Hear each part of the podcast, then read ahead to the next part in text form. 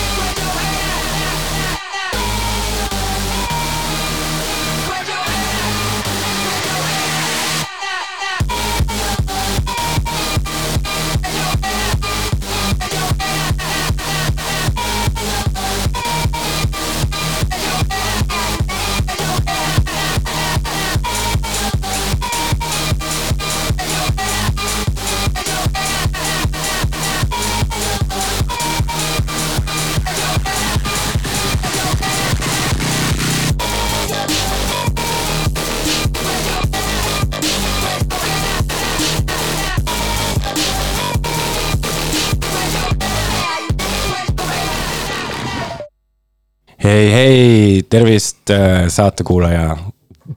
ilusat äh, novembrit meile kõigile. mina olen Helgi Saldo. ja mina olen Anette Mäletjärv on Sebastian Freiberg. ja meiega on siin kes sa oled? ise kutsusid Helgi. meiega on siin Sara. siin äh, kuulajal te tekib tunne, et ma lihtsalt astusin uksest sisse ja otsustasin saatega liituda ja siis Palun, Anette äh, kuidagi tutvustab seda saadet väga sellisel erootilisel toonil ja siis ma mõtlen, mis, mis nüüd saama hakkab äh,. mina olen Sara Arumetsa. ja Tere, ma, mis ma veel enda kohta võiks öelda, ma ei tea. mida te esindate, mis on, mis on teie spetsialiseeruv ala ja äh, milles te ennast pädevalt tunnete? oh,. Oh. oo, sihuke küsimus. no ma olen selline natuke nagu hunt kriimsilm võib-olla, et ma võib-olla kõige enam pean ennast sotsiaalfilosoofiks äh,, töötan Tallinna nagu hunt Ülikoolis Kriimsilm. oli. nagu hunt Kriimsilm oli jah, tööt-, töötan Tallinna Ülikoolis äh, nooremteadurina ja, ja läbin seal vaevarikast doktorantuuri. Wow. ja jah, eelkõige võib-olla, miks ma olen siin, on see, et ma olen natukene tegelenud äh, transteemadega, LGBTQI teemadega natuke laiemalt ja muidugi siis äh, kõige sellega, mis puudutab äh, tervist, nagu ka see Movember, mis siin sai sissejuhatuseks vist öeldud, et sümboliseerib meeste, meeste te- tervisekuu, eks, kas ma ei eksi? jah, just. jaa, aga miks see peab olema meeste tervisekuu, miks see ei võiks olla lihtsalt inimeste tervisekuu No. ähm,? see oli nali äh,. või, või miks see on meestega, miks ei ole habemetaga inimeste kuu? aga see on ju selles mõttes no shave, no November. no shave, no not, no shave. No shave, no, No not to sport move. ja, nii et igatahes äh, tervisest äh, täna räägime. ma ütleks veel lisaks, et Sara on üks mu lemmikmõtlejaid praegu äh, Eestis, nii et äh, ma väga armastan su artikleid äh,. just üks tuli välja Feministeeriumis äh,, üks filmiarvestus, mida ma soovitan lugeda äh,. nii et jaa äh,, me arutasime natuke Saaraga, et millest me võiksime täna rääkida ja, ja kuna äh, tervisevõrdsuse konverents oli ja, ja nii-öelda praegu on sihuke kuu ka, kus võib-olla tervisest mõtleme natuke rohkem kui tavaliselt, siis, siis hakkame lihtsalt kuskilt pihta. mina kuulsin midagi lilla agenda kohta, ma olen täiesti mitteteadlik ja siis ma sooviks teada, et äh, mina kui inimene, kes ei tea, kas te saaksite palun informeerida mind, et millega tegemist oli? äh,. lilla agenda on siis äh, äh, Melle Selmini ja Paul Vahtra podcast, nad on paremini tuntud kui Eesti Transinimeste Ühing, samamoodi siin Ida raadios kord kuus teevad saateid ja eile nad rääkisid just äh, LGBTQ inimeste vaimsest tervisest, tõukudes siis sellest tervisevõrdsuse konverentsist, mida Heinrich juba, issand, kas ma hääldan su nime õigesti? Helgi, aga aga peaaegu. ja Heinrich, Heinrich, kõik, kõik sobib, kõik sobib, kõik sobib. ma vabandan ja, ja aitäh sulle. just tõukudes siis sellest äh, konverentsist rääkisid äh, LGBTQI va- vaimsest tervisest, et seal konverentsil ja ma mainin siis ka seda, et ma olin üks äh, äh, väga hea meel oli selle konverentsi korraldamise juures olla, konverentsi korraldas selline väga, väga lahe tiim inimesi äh, mõttekoda, kojast Praxis ja Eesti LGBT Ühingust. Ja siis meil oli seal eraldi paneel, mis oli pühendatud LGBTQI vaimsele tervisele, mida modereeris Paul Vahtra Eesti Transinimeste Ühingust. Ja siis nad äh, kuidagi võtsid inspiratsiooni, võtsid äh, paneelis osalenud inimesed äh, kokku ja kutsusid nad podcast'i, et, et kui see mm -hmm. konverents võib-olla oli natukene rohkem suunatud tervishoiutöötajatele, kuigi meil oli seal väga palju ka kogukonna inimesi, mis tegi meele väga rõõmsaks. et siis selle podcast'i kaudu kuidagi suunata neid äh, sõnumeid ka just kogu kogukonna poole natukene laiemalt, et ma soovitan kõigil järgi kuulata, Ida Raadio lehel saab järgi kuulata ja ma usun, et varsti, varsti ka Lilla Agenda enda kanalites. ma kuulsin, et isegi terviseminister käis seal. ja terviseminister Riina Sikkut avas konverentsi väga lahe wow,. okei okay,, väga peen. ja äh, mina võib-olla ütleks äh, Sebastiani veel selgituseks, et tegelikult Lilla Agenda raadiosaade alustas enne homokringlit ja kuna minul tuli mõte, et aa, ma tahan täiega hakata LGBT pluss nagu podcast'e tegema, siis Lilla Agenda alustas, ma olin nagu dammit, nagu nad võtsid mu idee ära. aga õnneks nemad teevad enda saadet väga professionaalselt ja nad räägivad sealt nagu. Ja see on, ja see on rohkem sihuke educational ja siis mina ja Helgi olime, okei okay,, jumal tänatud, et keegi teeb sellist harivat LGBT pluss saadet, kust päris midagi õpib ja meie saame siin lihtsalt tulla ja rääkida äh, paska. aga täna äh, räägime natuke äh, tõsisematel teemadel siiski.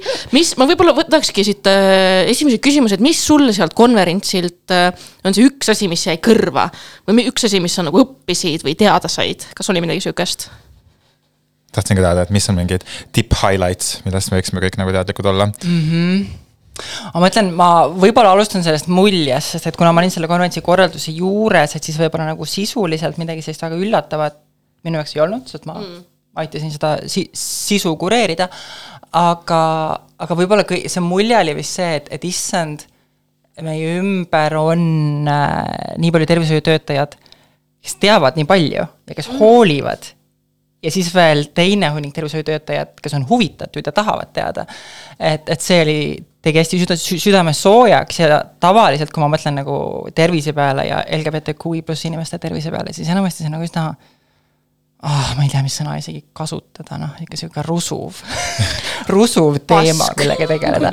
et siis, et siis just see, et näha, et nii palju inimesi tuleb kokku, jagavad teadmisi, jagavad kogemusi, tahavad inimesi aidata, et see tegi südame see on ka intrigeeriv, ma poleks elu sees osanud. hästi soojaks, just, just ette. kujutada, et, et nii, et nii või võiks nagu olla, sest nii palju, selle- kui ma olen kuulnud igasuguste erinevate just siis no spetsiifiliselt võib-olla transinimeste kokkupuudet äh, Eestis nagu meditsiini ja sihukeste asjadega, et siis sealt on vist päris palju soovida olnud, aga et, et ju siis mingi asi liigub ikkagi õiges suunas, kui inimesed püüdlevad, on informeeritud ja tahavad no, paremat. see, see, mis sa räägid, on ka tõsi. ja paljudel inimestel on meeletult halvad kogemused ja kui me räägime nagu transinimeste spetsiifilisemalt ja sellest nagu äh, nii juriidilisest kui ka meditsiinilisest soolise üle, üleminekuprotsessist, mis Eestis on siiamaani üks ja sama asi, kahjuks äh,, et siis noh, see on laenan Anetelt siin sõna, noh pask. aga, aga tõesti, me näeme, me näeme, et mingid protsessid toimuvad, on palju liitlasi. ja, ja mm -hmm. see annab nagu lootust uskuda, et ho homne päev võib olla natukene parem kui, kui eilne aga ma võib-olla küsiks, et, et millest me tegelikult räägime, kui me üldse räägime tervisevõrdsusest, et mida see nii-öelda printsiibina tähendab? see printsiip, printsiibina tähendab seda, et, et kõikidel inimestel peaks olema võrdne ligipääs heale tervisele. et muidugi inimeste terviseseisund on erinev äh,. Et see, et see on, on palju asju, mille osas äh, on, on raske midagi ära teha, aga siiski see, milline meie tervis on, on mõjutatud selle poolt, milline on meie elukeskkond, me räägime kas või näiteks puhtast õhust, me räägime toidu kvaliteedist, aga muidugi me räägime sellistest asjadest nagu diskrimineerimine, nagu vägivald, nagu stigma. ja see kõik mõjutab inimeste tervist ja tervise, ja muidugi ma unustasin mainida, et muidugi kas inimestel on ligipääs tervishoiule, kui nad vajavad terviseabi või kas neil on võimalik käia regulaarselt tervisekontrollis, selleks, et, et vältida mingite tõsisemate terviseprobleemide tekkimist. ja see tervisevõrdsus tähendabki seda, et me likvideerime ebavõrdsused, et võimalikult palju tasandada seda, et, et kõigil oleks nii hea tervis, kui see on nende jaoks võimalik ja, ja põhimõtteliselt, kui, kui meil kõigil võib olla nii-öelda äh, arsti juurde pääsemisega või Tervisekassaga mingisuguseid teatud probleeme, et siis, äh, siis kvääridel inimestel on jälle see lisatasand, mille peale peab mõtlema. et äh, ma võib-olla küsiks laiemalt, et, et, et kas teie või meie, keegi meist on tundnud seda, et, et selle kvääriks olemise tõttu neid on kuidagi tervishoiusüsteemis diskrimineeritud või teistmoodi koheldud? Oso, mul tuli, tuli, tuli, mul tuli meelde, et sa mängisid hambaarsti Triin Ruumeti filmis sest äh, väga teemas see. nii et sul on, sul on teisel pool seda lahte kogemus. ma olen Eesti kväärmeditsiini esirindel, vähemalt kaadris uh,.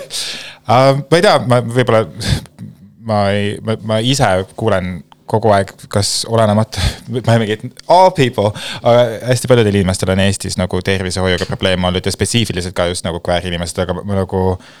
ma ei ole ise mitte kunagi vist põhimõtteliselt äh, ühegi negatiivse kogemuse kunagi hambaarsti juures lasi kogemata nagu mingi sihuke assistent, uus inimene ühest hambast trelliga üle, aga that's about it. see oli siis, kui ma olin seitse minul on üks Äh, kaks fun'i lugu. Äh, ma alustan äh, tõsisemast, mitte tõsisemast, aga ei, ma rääkisin sellest enda stand-up'is ka kunagi mingi aastake tagasi äkki või.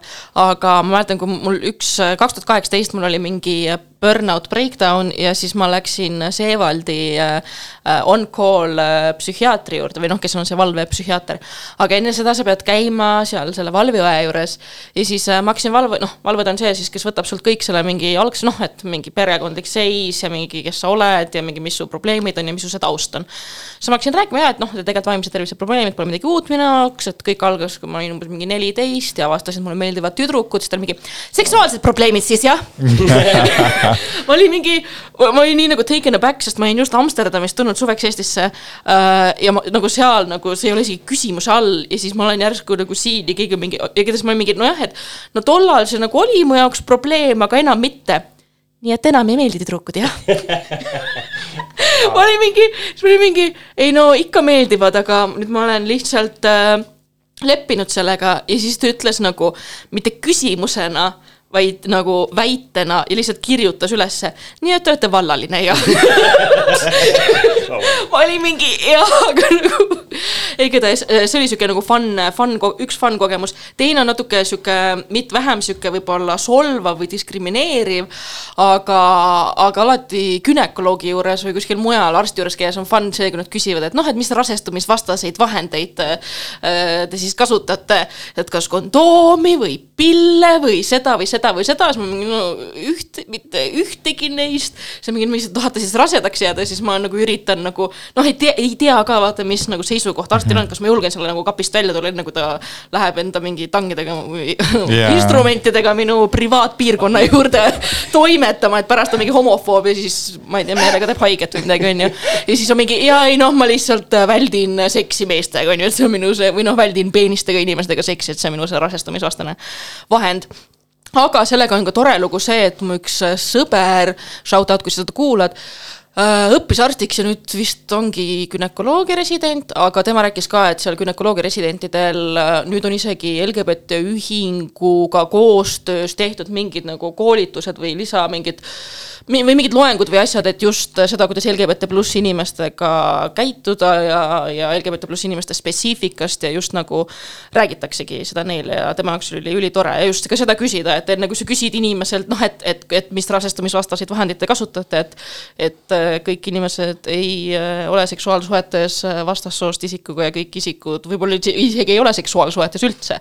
et seda oli nagu väga tore kuulda ja spektri teises otsas olen mina, Eesti ainus circuit gay äh,, kellel on olnud äh, omajagu suguhaiguseid äh,. et äh, selles mõttes ma. suguhaige suguhaige, et äh, sugusant ja sugus, suguhaige, ma äh,, ma väga detailidesse praegu ei lasku äh,, aga põhimõtteliselt on olnud näiteks mingeid äh, meestega seksivate meeste äh, nii-öelda spetsiifilisi nagu olukordi, et ütleme, et ähm, kus ma olen tundnud ka nii-öelda seda äh, posit-, positiivset poolt äh,. No pun intended, et ähm, jaa, I m so unhinged today aga ei, point on selles, et äh, ütleme, et näiteks kui see ahvirõugete teema oli, et siis ma noh ka uurisin, et, et kuidas nagu ligipääs sellele on ja nii edasi, et see oli näiteks. ahvirõugete vaktsiinile aitäh.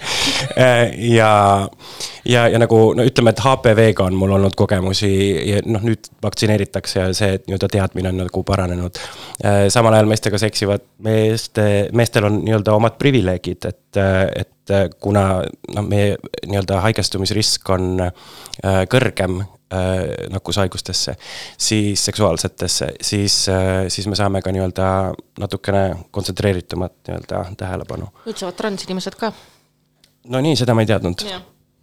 Aga ma ähm, küsiks võib-olla, et see Praxisega, te tegite tervishoiutöötajate uuringu.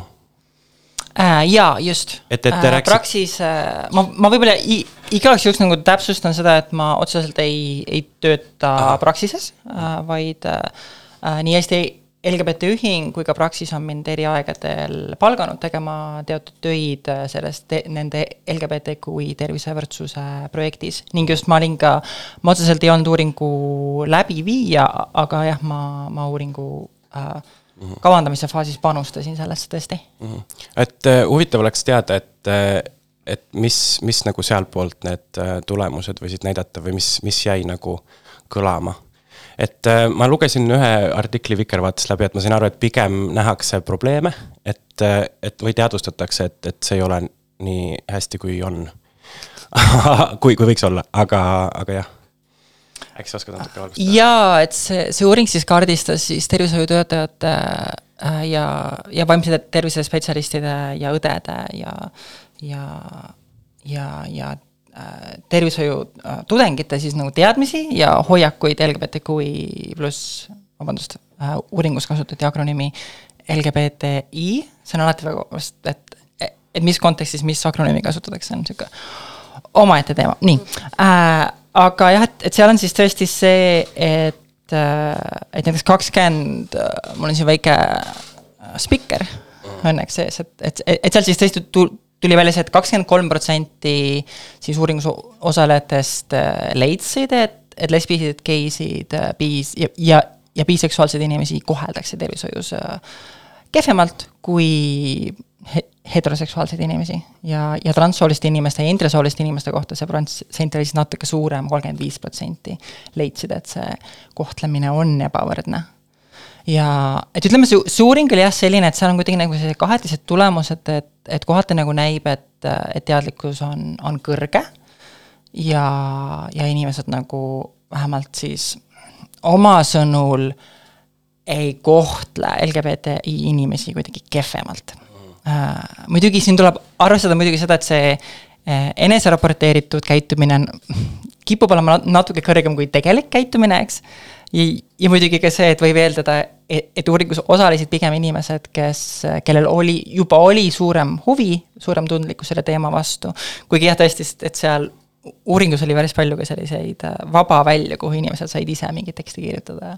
ja, ja, ja seal oli ikka nagu mingis mõttes nagu selliseid päris äh, jõhkraid ja halvustavaid ja nagu vaenulikke hoiakuid ka. ma või, ma, ma, ma võib-olla mõtlen, et mis, mis minule endale oli, oli hästi huvitav sellest uuringust, oli nagu see, et kui, kui inimestelt küsiti, et äh, neile, neile anti siis selline väide, et äh, et LGBT inimestel on õigus oma elu elada nii, nagu nad ise soovivad. sada protsenti psühhiaatritest ütles jah mm. -hmm. nii, nüüd neile anti teine väide ja neile öeldi siis, et äh, ma leian, et transsoolise patsiendi puhul peaks patsient ise saama otsustada soolise ülemineku jaoks vajalike teenuste üle ning psühhiaatriline ekspertiis ei ole vajalik. kuuskümmend kaheksa protsenti psühhiaatritest ei nõustu selle väitega. okei okay. ehk siis saja protsendi pealt kukume siin, nagu ma nüüd peast teen maitad, kolmekümne kahe protsendi juurde ja huvitav on siis see, et teiste erialade puhul see protsent oli eh, siis niimoodi et, et nelikümmend protsenti ei nõustu. Et psühhiaatriline ekspertiis ei ole vajalik, et see, et see vahe psühhiaatrite ja teiste e-, erialade vahel on üsna kõnekas, ma arvan.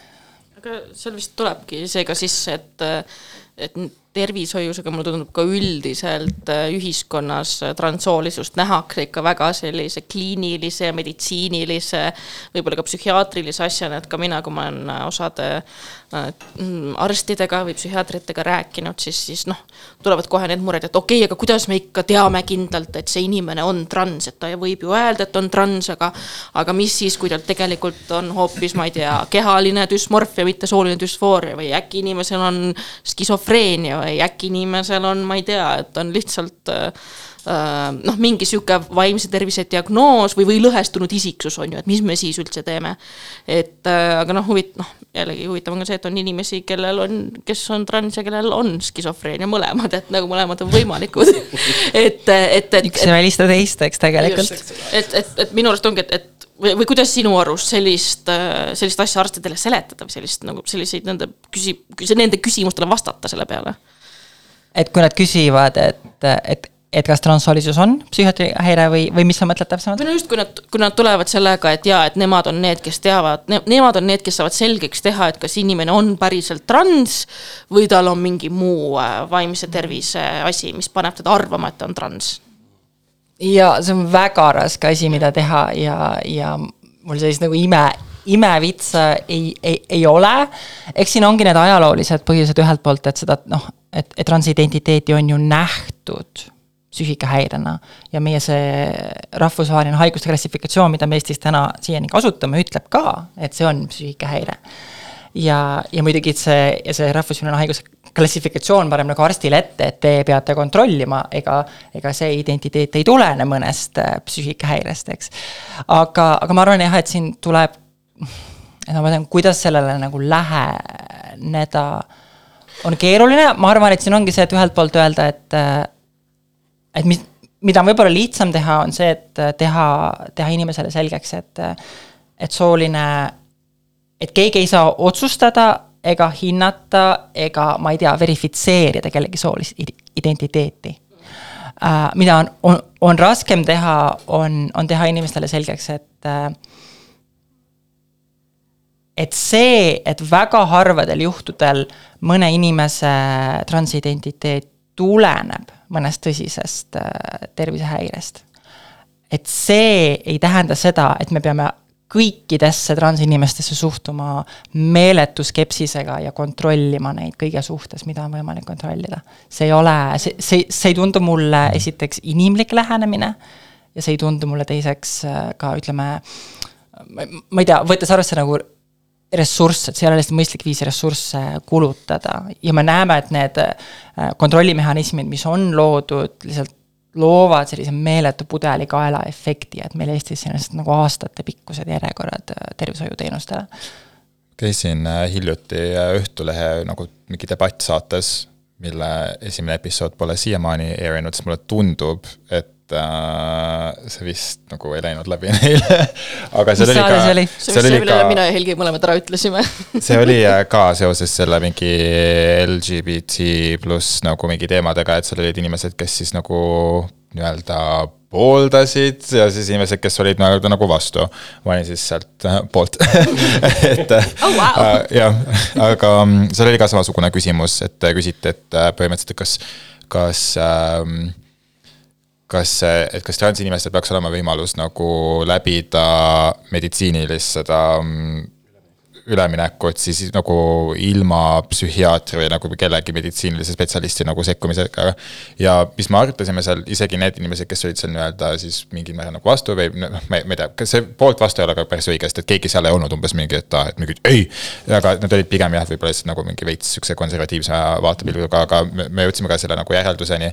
ja see oli seesama koht, kus ma ise tegelikult seda saates mõtlesin, et nagu, et ma ei ole päris kindel, et mis meist nagu, et, et seal oli, oleks just olnud võib-olla vaja natukene mingit transperspektiivi sellele asjale juurde, aga siis ma nagu ise ka nagu kippusin pigem mõtlema seda, et, et ähm, mis see nagu alternatiiv siis on, et, et äh, näiteks need hormonaalravimid ja asjad ja siuksed on nagu, et, et need on kõik täiesti igale inimesele nagu lihtsalt ligipääsetavad ja et äh, sa ise teedki seda, aga see, see nagu see tekibki see mõte, et kui seal on ikkagi mingi nagu oht ja need asjad selles mõttes peaksid ikkagi ju mingil määral olema selles mõttes äh, nagu arstliku lähenemisega selles mõttes, et, et kuidas et kas see on tervislik, kui palju seda teha, jätkata, et, et siis ma, nagu mulle tundub, et selle küsimuse, mis alguses oli, et, et, kas ähm, mis see esimene, et kas, kas need inimesed saaksid elada nii, nagu nad tahavad, ilma et keegi sekkuks vahele, siis see teine küsimus oli, et äh, et kas transinimestel on õigus äh, äh, alustada meditsiinilist üleminekut ilma psühhiaatri mm -hmm. ekspertiisita ja siis mulle tundubki seal, et seal võib-olla justkui nagu meditsiiniline või meditsiinialal töötav inimene võib-olla pigem just nagu mõtleb sihukese nagu mure aspektiga.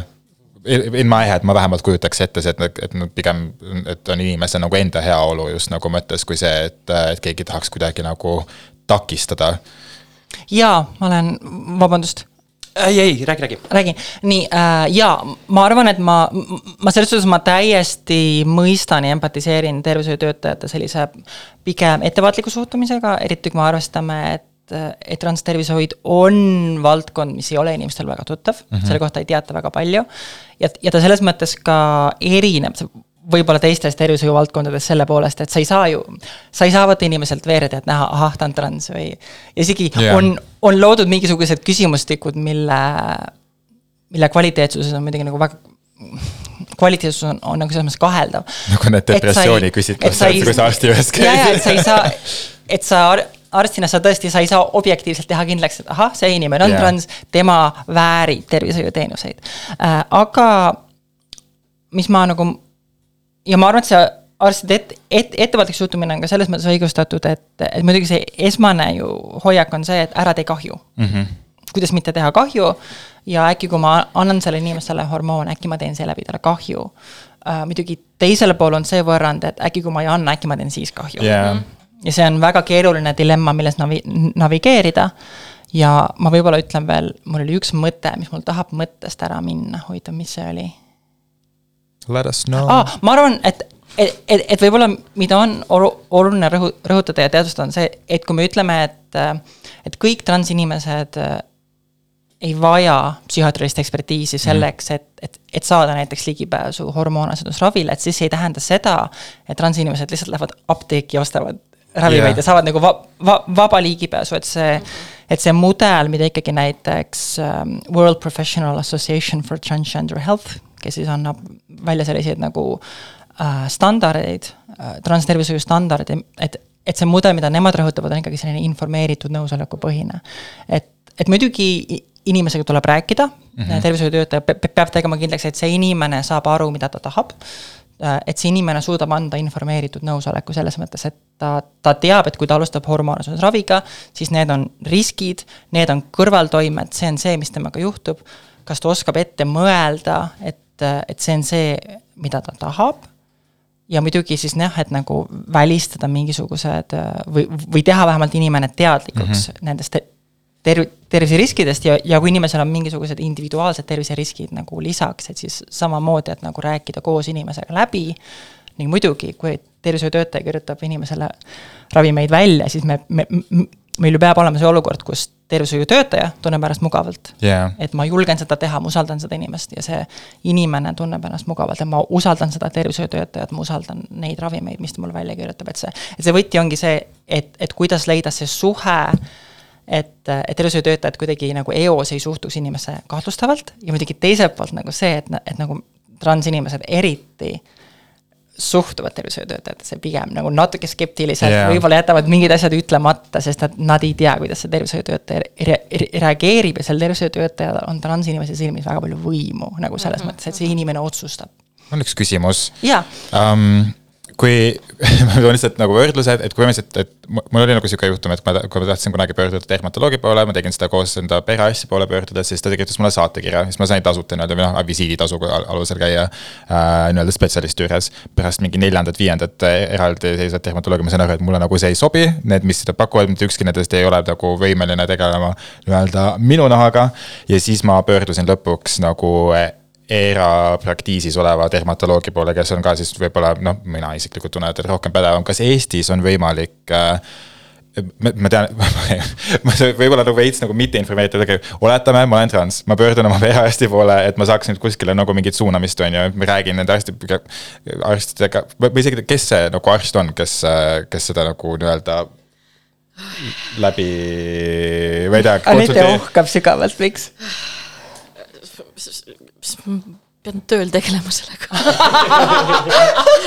meil on, Eestis on hetkel määrus, mille alusel inimesed, transinimesed saavad ligipääsu äh, hor hormoonravile või siis äh, ka muudele teenustele läbi arstliku ekspertiisi komisjoni, mis koosneb siis. sellest ma olen kuulnud, aga, aga just. kas iga asi käib läbi selle komisjoni, et sul ei ole eraldi mingit arsti Jah. määratud, kes nagu tegeleb mm -mm. sinu nagu selle case'i asjaga mm? -mm okei okay,, ehk siis. ei no põhimõtteliselt, kui sa saad sellelt, ma, ma ei ole täpselt nüüd kindel, aga minu arust on see, et kui sa saad sealt komisjonilt, saad siis loa, siis, siis sa lähedki selle loaga mingi teatud endokrinoloogi juurde, kes siis. endokrinoloog on?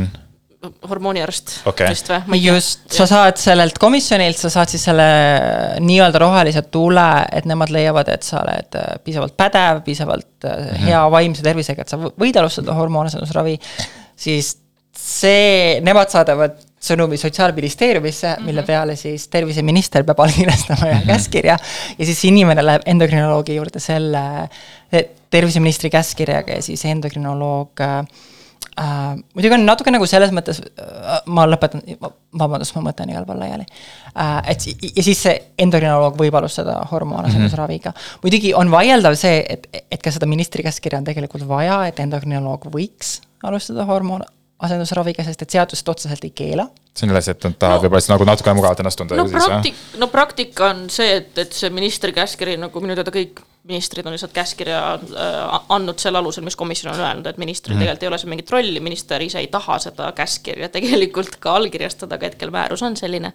aga aga jah, et, et, et min, nagu mina olen aru saanud, siis see ideaalne praktika olekski see, et seda komisjoni seal vahel ei ole, seda ministrit aga kui poliitilist. neid on võimalik kuidagi sidestep ida seda, on seal nagu mingi eraarst, kelle poole saad pöörduda, kes, ei tea ei... on no., on juhtumeid, on, on juhtumeid, kus inimene läheb võib-olla tõesti eraarsti juurde, aga ma ei tea, kas see on määrav ja, ja arst äh, leiab, et mul on kohustus äh, arstina mm -hmm. inimest aidata ja, ja, mm -hmm. ja ta annab talle selle retsepti mm, -hmm. et neid juhtumeid on, ma ei, ma ei oska öelda, kui palju aga seal on jällegi see, et kui sa tahad juriidiliselt enda sooandmeid muuta, siis siis seal on ka vaja seda komisjoni vaja. Okay. et äh, aga jah, et, et, et nagu mina, et, et osadel jääbki mulje, et issand, et kui see komisjon ja kõik need arstid nagu ära jätta, siis juhtubki see, et äh, nagu sa ütlesid, transinimesed, ma ei tea, lähevad apteeki, hakkavad hormoone ostma, ei ole, et siis inimene peab ikkagi selleks ju minema sinna endokrinoloogi juurde, kes on te, tema arst, kes juhendab seda. see on umbes sama nagu mina lähen psühhiaatri juurde, mul on vaja antidepressanti, siis mu psühhiaater nagu seletab mulle, kuidas need toimivad, mis on võimalikud kõrvalmõjud yeah. nagu et selles mõttes minu arust see paanika ja hirm on, pole põhjendatud, aga äh, ma küll nõustun sellega või mitte nõustun, aga et, et siin on ikkagi see, et, et jah, paljud transinimesed vajavad psühhiaatreid ja psühholooge, kes on teadlikud nende äh,, nende identiteedist ja, ja kes on, et, et nad saaksid seda psühholoogilist nõustamist, sest paljudel transinimestel on äh, psühholoogilised probleemid, mis tulenevad kas düsfooriast või äh, siis ühiskonna vaenulikkusest. et, et see, aga see ei peaks olema kohustuslik et, et see peaks olema niimoodi, et inimesel, kellel on vaja mm -hmm. ligipääsu mingi arsti juurde, kes on teadlik äh, tema eripäradest. et siis tal on see võimalus, aga see ei peaks olema see, et sa nüüd pead minema psühhiaatri juurde ja tõestama, et see ei ole hull. ja me, meil konverentsil oli, oli Malta soo, soo, soolise identiteedi kliinikust äh, inim-, inimene kohal, kes nagu rääkis, kuidas neil see protsess käib ja nemad on võib-olla Euroopa kõige progress-, progressiivsema nii seadus, seadusandluse kui ka, kui ka, kui ka praktikaga selles mõttes. ja ne-, ja, ja neil on väga tsentraliseeritud süsteem, neil on muidugi õnneks väike saareriik, eks. Neil on üks, üks keskne kliinik, kuhu inimene, kes soovib alustada meditsiinilise üleminekuga, pöördub sinna. kõigepealt siis tervise, too kohtub sealse terviseõega ja see terviseõde viib siis läbi selle esmase vajaduste ja murede kaardistamise. kuulab inimese ära, mida inimene vajab, millised on tema mured ja, ja siis nagu hindavad koos, et, et ja selle inimesega koos, et, et, et kas sa vajad psühholoogilist tuge, kas sa vajad psühhiaatrilist tuge, kui vajad, me anname sulle saatekirja, meil siin kliinikus on olemas, lähed. kui sa soovid hormoonasendusravi, siis saad selle saatekirja endokrinoloogi juurde, kes me, meil on siinsamas kliinikus ja need arstid kõik nagu selles mõttes töötavad äh, koos mm, -hmm. et siis ongi see, et, et kui näiteks endokrinoloog võtab selle inimese vastu ja võib-olla tal tekib kahtlus, et ma ei ole kindel, kas see inimene ähm, suudab anda mulle seda, selle informeeritud nõusoleku, mida ma tahan talt saada, ta konsulteerib siis võib-olla mõne vaimse tervise spetsialistiga, kui ta leiab, et see on vajalik. et selles mõttes need erandid võivad olla kõik vajalikud, nagu ka muudes tervishoiusüsteemides, kui, kui sa lähed arsti juurde ja, ja arst ei ole kindel, kas sa saad aru, mida see ravi sinu jaoks tähendab, siis muidugi ta küsib mujalt mingit ekspertiisi mm, -hmm. aga eos automaatselt see ei ole kõik, kõigi puhul ilmselt vajalik yeah. ning Eestis ongi kuidagi see, et me, et, et, et meil on selline sunnitud psühhiaatriline eks, ekspertiis on ühel pool, aga teisel pool on kuidagi nagu mm, et kui inimesed tõesti nagu vajavad vaimse tervise tuge, et siis see ligipääs on lihtsalt meeletult kehv, et, et kuidagi mm -hmm. need kaks asja ei ole üldse tasakaalus. pluss see on tegelikult äh, Euroopa mingi põhiõigustega vastuolus, et minister selle käskkirja peab allkirjastama, sest ongi, et praegu meil nagu terviseministrid on olnud inimesed, kes annavad selle allkirja. aga kujutame ette, meil on terviseminister Martin Helme et et nagu või keegi EKRE-st, et, et see võiks et ta võib jumala hästi ka jätta need käskkirjad väljastamata või kasvõi selle määruse tühistada ja võtta, panna mingi uue määruse, mis üldse keelab nagu soolise ülemineku, et, et see on igas mõttes nagu see seadusandlus vajab äh, kaasajastamist, aga paraku hetkel äh, meil ei ole poliitilist konsensust, sellepärast et äh, meie riigis ei ole piisavalt teadlikkust ja inimesed ei jaga transteemadest midagi. mis on ka üks põhjus, miks me tänases saates räägime, et inimesed saaksid äkki natuke rohkem teada. Äh, kas me tahame mängida ühe laulu ka vahele? Äh, ma annan sulle kohe, saad äh, panna, mis, mis laulu sa soovid lasta. niimoodi otse siit, okei okay,, muidu tavaliselt teeme seda enne, enne saadet küsime ära, aga seekord läks kuidagi nii, et ma, ma unustasin küsida ja, ja me oleme, me istume täna Hen-, Hen-, Henriga, ma tahtsin öelda, oh my god. Hel-, me istume täna Helgiga. Heino, Heino, onu Heino. onu Heinoga istume täna niimoodi siin kõrvuti, et äh, meil on uh, two NB-s one mic Puup by puup nagu Uh, two NB-s one mic ja ma, vahemärkus, mis ma võib-olla tahtsin teha, jääb uh, hilisemaks. okei okay. kuulame muusikat. kuulame muusikat. Laseme muusikat.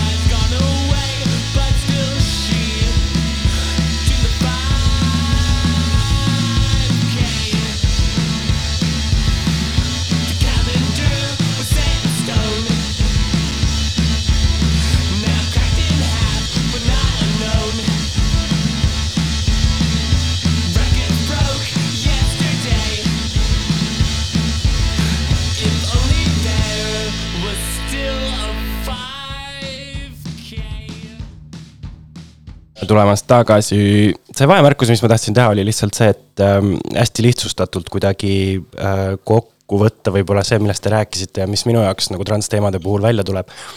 on, on just see nagu laiem teadlikkus, see, kuidas inimesed üldse näevad keha tervikut kultuuris äh,. ja, ja, ja kuidas nii-öelda need topeltstandardid võivad välja tulla, kui näiteks äh, nii-öelda meditsiinilisi protseduure vajavad äh, paiksoolised inimesed äh,. aga kultuurist rääkides tegelikult üks teema veel, ma tean, ma olen nii fucking smooth äh,, et üks teema võib-olla või, või grupi inimesi, keda on äh, protsentuaalselt vähe ja keda, kellest nii-öelda kultuuris väga ei räägita ka, on intersoolised inimesed Ehm, mina oma teada ei tea vist ühtegi intersoolist inimest, võib-olla oli mu vanaonu, aga see oli selline ähm,, pole, pole nagu lõpuni kindel et tal vist oli lihtsalt günekomastia või midagi sellist ja siis inimesed äh,. oletasid, et ta on intersooline või? noh, selles mõttes, et sihukest sõna ei teatud ilmselt, see oli ikka noh, kaheksakümnendad äh,, kui ta sündis et äh, ma võin, ma võin täiesti puusse panna, ma isegi ei mäleta, kas ta oli mu vanaonu või mingi teine sugulane äh,. aga, aga ma lihtsalt mäletan jah lapsepõlvest, et, et ähm, et see oli nagu teema, aga, aga ma ei tea, kas, äh, kas sa tahad anda definitsiooni intersoolistele inimestele? Äh, jaa, intersoolised inimesed on, äh, ma mõtlen, mis täpne de definitsioon on, et, et inimesed, kes on sündinud äh, hormonaalsete, geneetiliste või füsioloogiliste sootunnustega, mis ei vasta üks-üheselt äh, nendele ühiskondlikele ja meditsiinilistele normidele, mis on meest, mis on meeste ja naiste kehadele nagu seotud. ja sootunnused siis viitavad äh, kõikidele kehalistele tunnustele, mida me äh, bioloogias ja, ja, ja, ja ühiskonnas ka laiemalt nagu kuidagi ka kategoriseerime sooliselt, et näiteks ähm, ma ei tea, mis siin nagu välja tuua, et nagu kromosoomi sugu näiteks, eks muidugi reproduktiivelundkond ja nii edasi. Äh, Eestis on siis tõesti Helgiga nagu hästi-hästi nõus, et me, me teame meeletult vähe.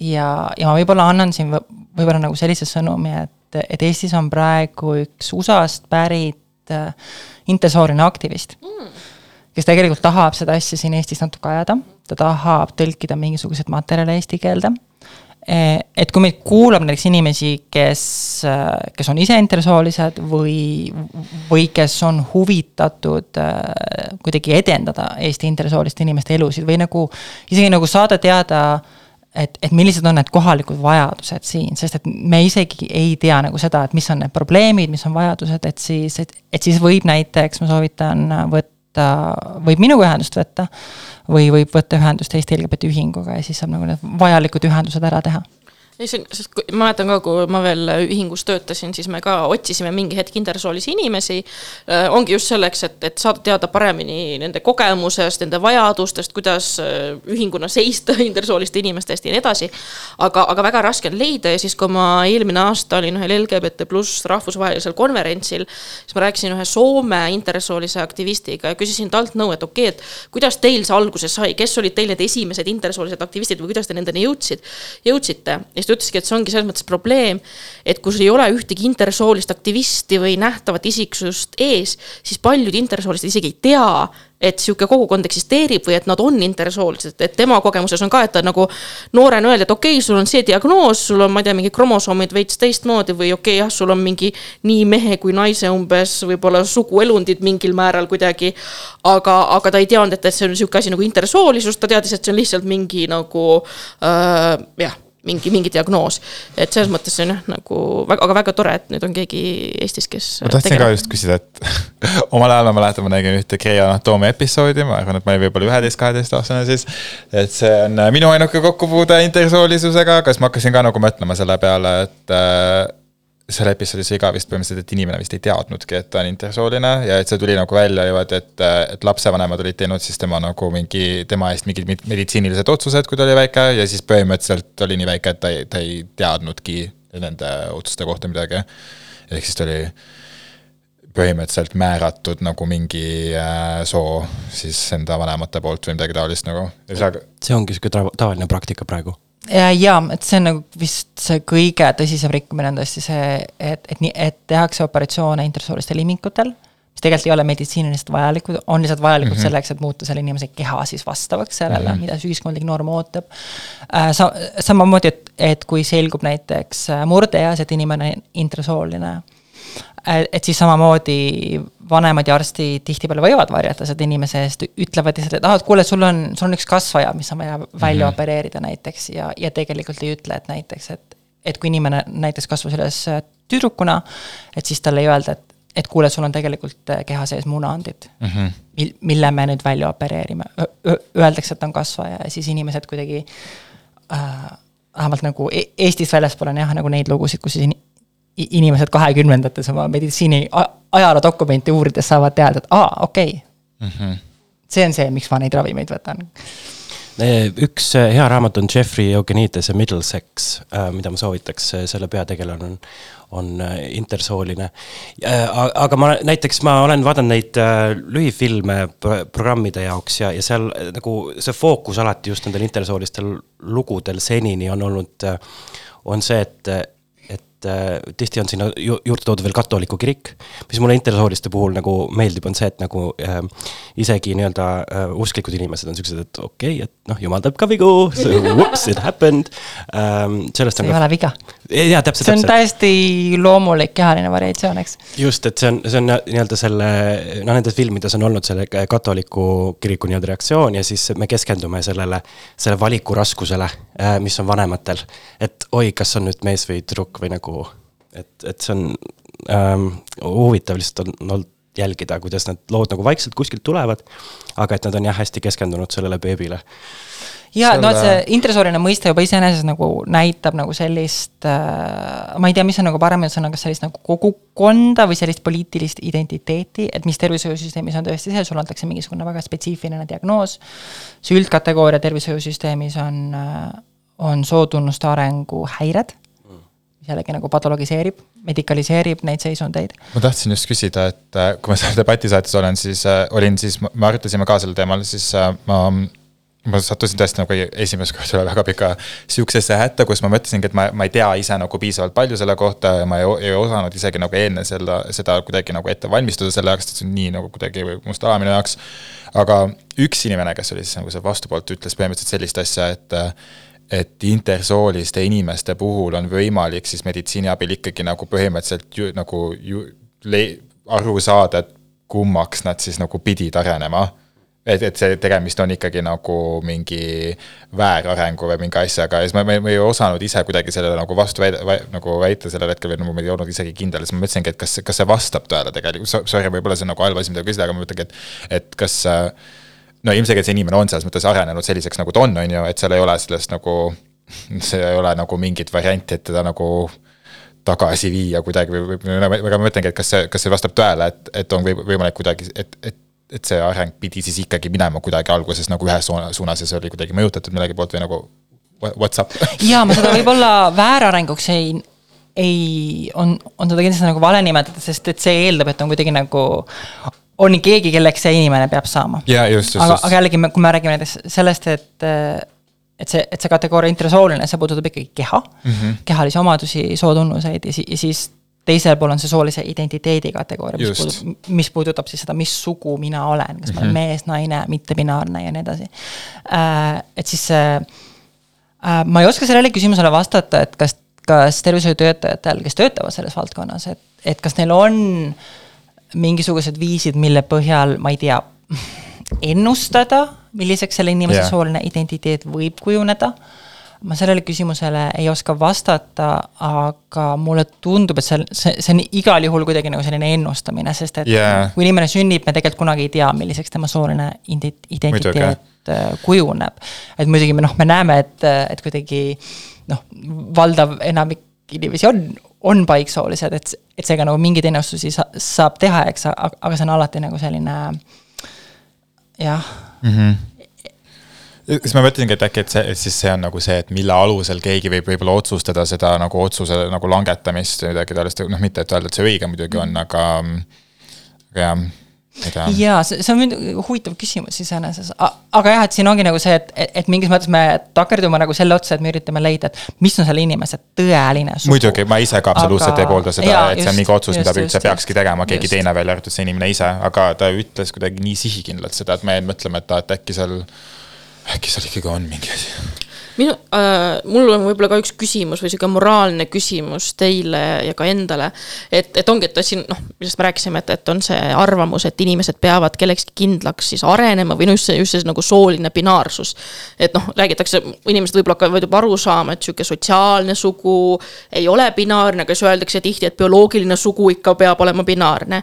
ja siis mina mõnikord olen toonud nagu intersoolisus sihukese lihtsa näitena, et ei, ka nii-öelda bioloogiliselt äh, sugu ei ole alati binaarne või sootunnused ei ole binaarsed. aga siis ma hakkan mõtlema, et kas see on nagu problemaatik, et ma seda teen, et kas ma kasutan siin nagu intersoolisi inimesi ära mingi, mingi asja sa oled selgitamiseks halb inimene, sa peaks ennast halvasti tundma. aitäh, aitäh. Lähen koju nutma.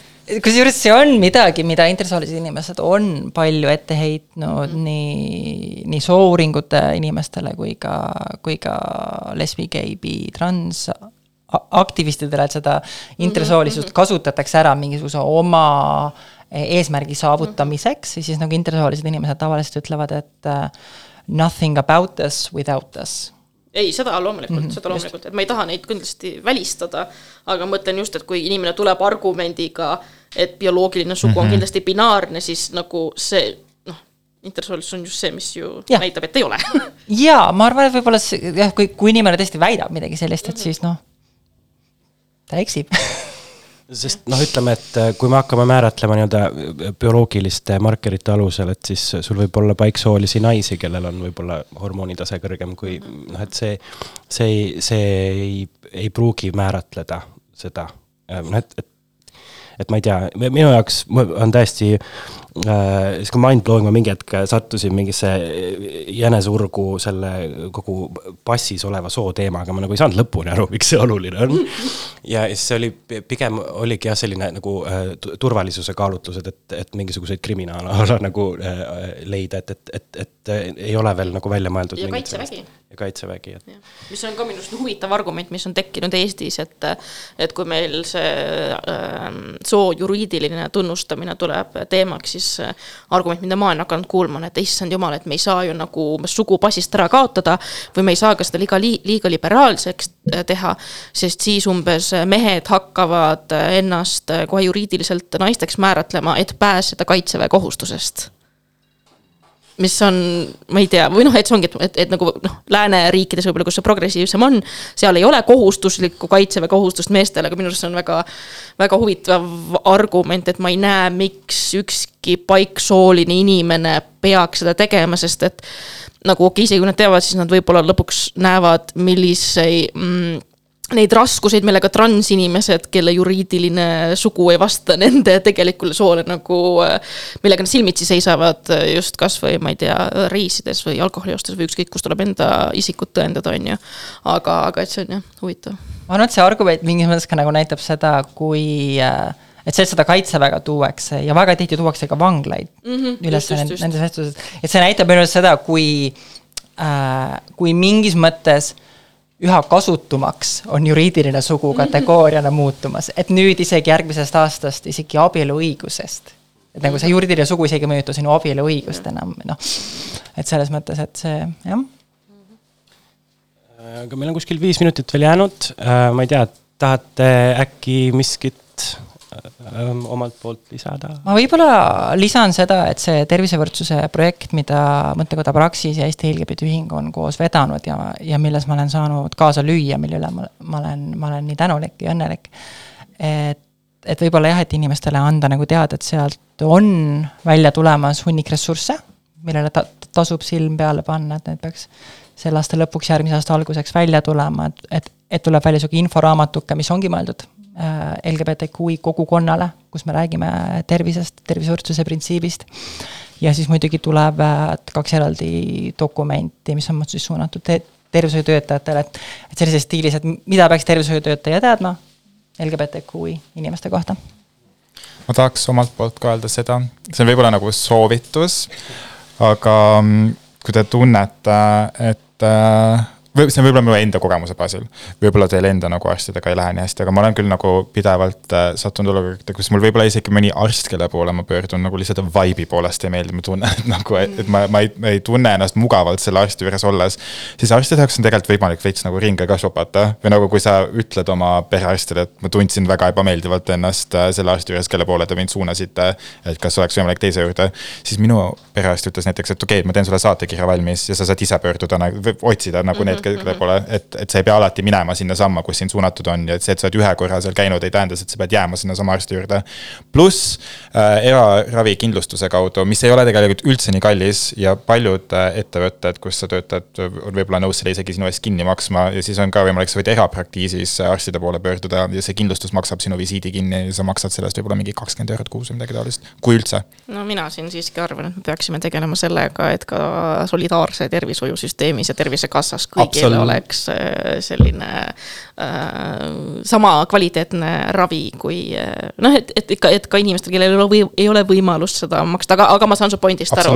ma ise käin era, erapsühhiaatri juures, sellepärast et. absoluutselt, aga senikaua, kui sa praegu nagu vajad arsti ja sa tunned, et sa oled lõksus, et sa võib-olla ei taha arsti poole pöörduda sellepärast, et ongi mm -hmm. sitt ja jäle inimene, siis võib lihtsalt mõned alternatiivlahendused ka. Mina võib-olla annaks omalt poolt ka soovituse, et harige end Äh, kõik. kõik harige ennast LGBTQI pluss identiteetide osas ja teemadel ja harige ka neid enda ümber.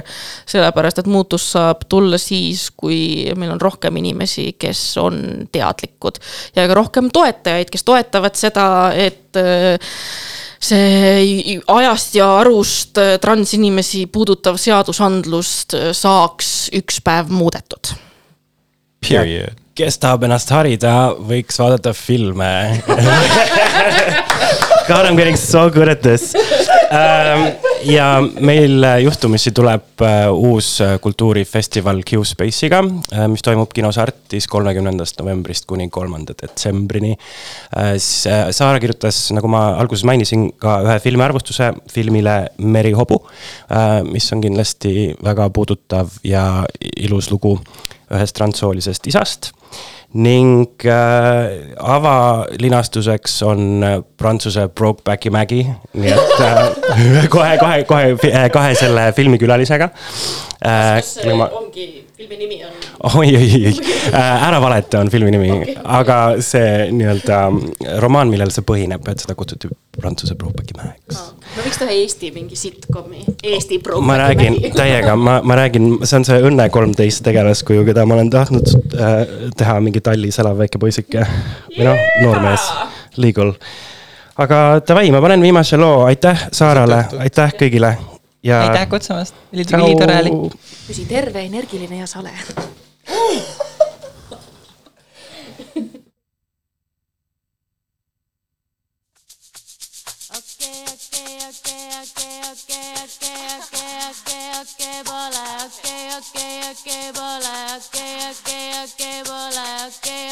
okay, okay, okay, okay, okay, okay, okay, okay, okay, bola, okay, okay, okay, bola, okay, okay, okay, bola.